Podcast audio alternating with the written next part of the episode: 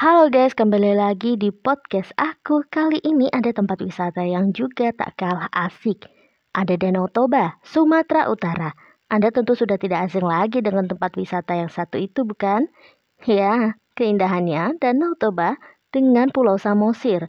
Di tengahnya memang berhasil menarik perhatian wisatawan.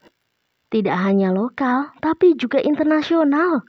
Danau Toba sendiri merupakan sebuah danau raksasa yang terbentuk akibat dari aktivitas gunung berapi.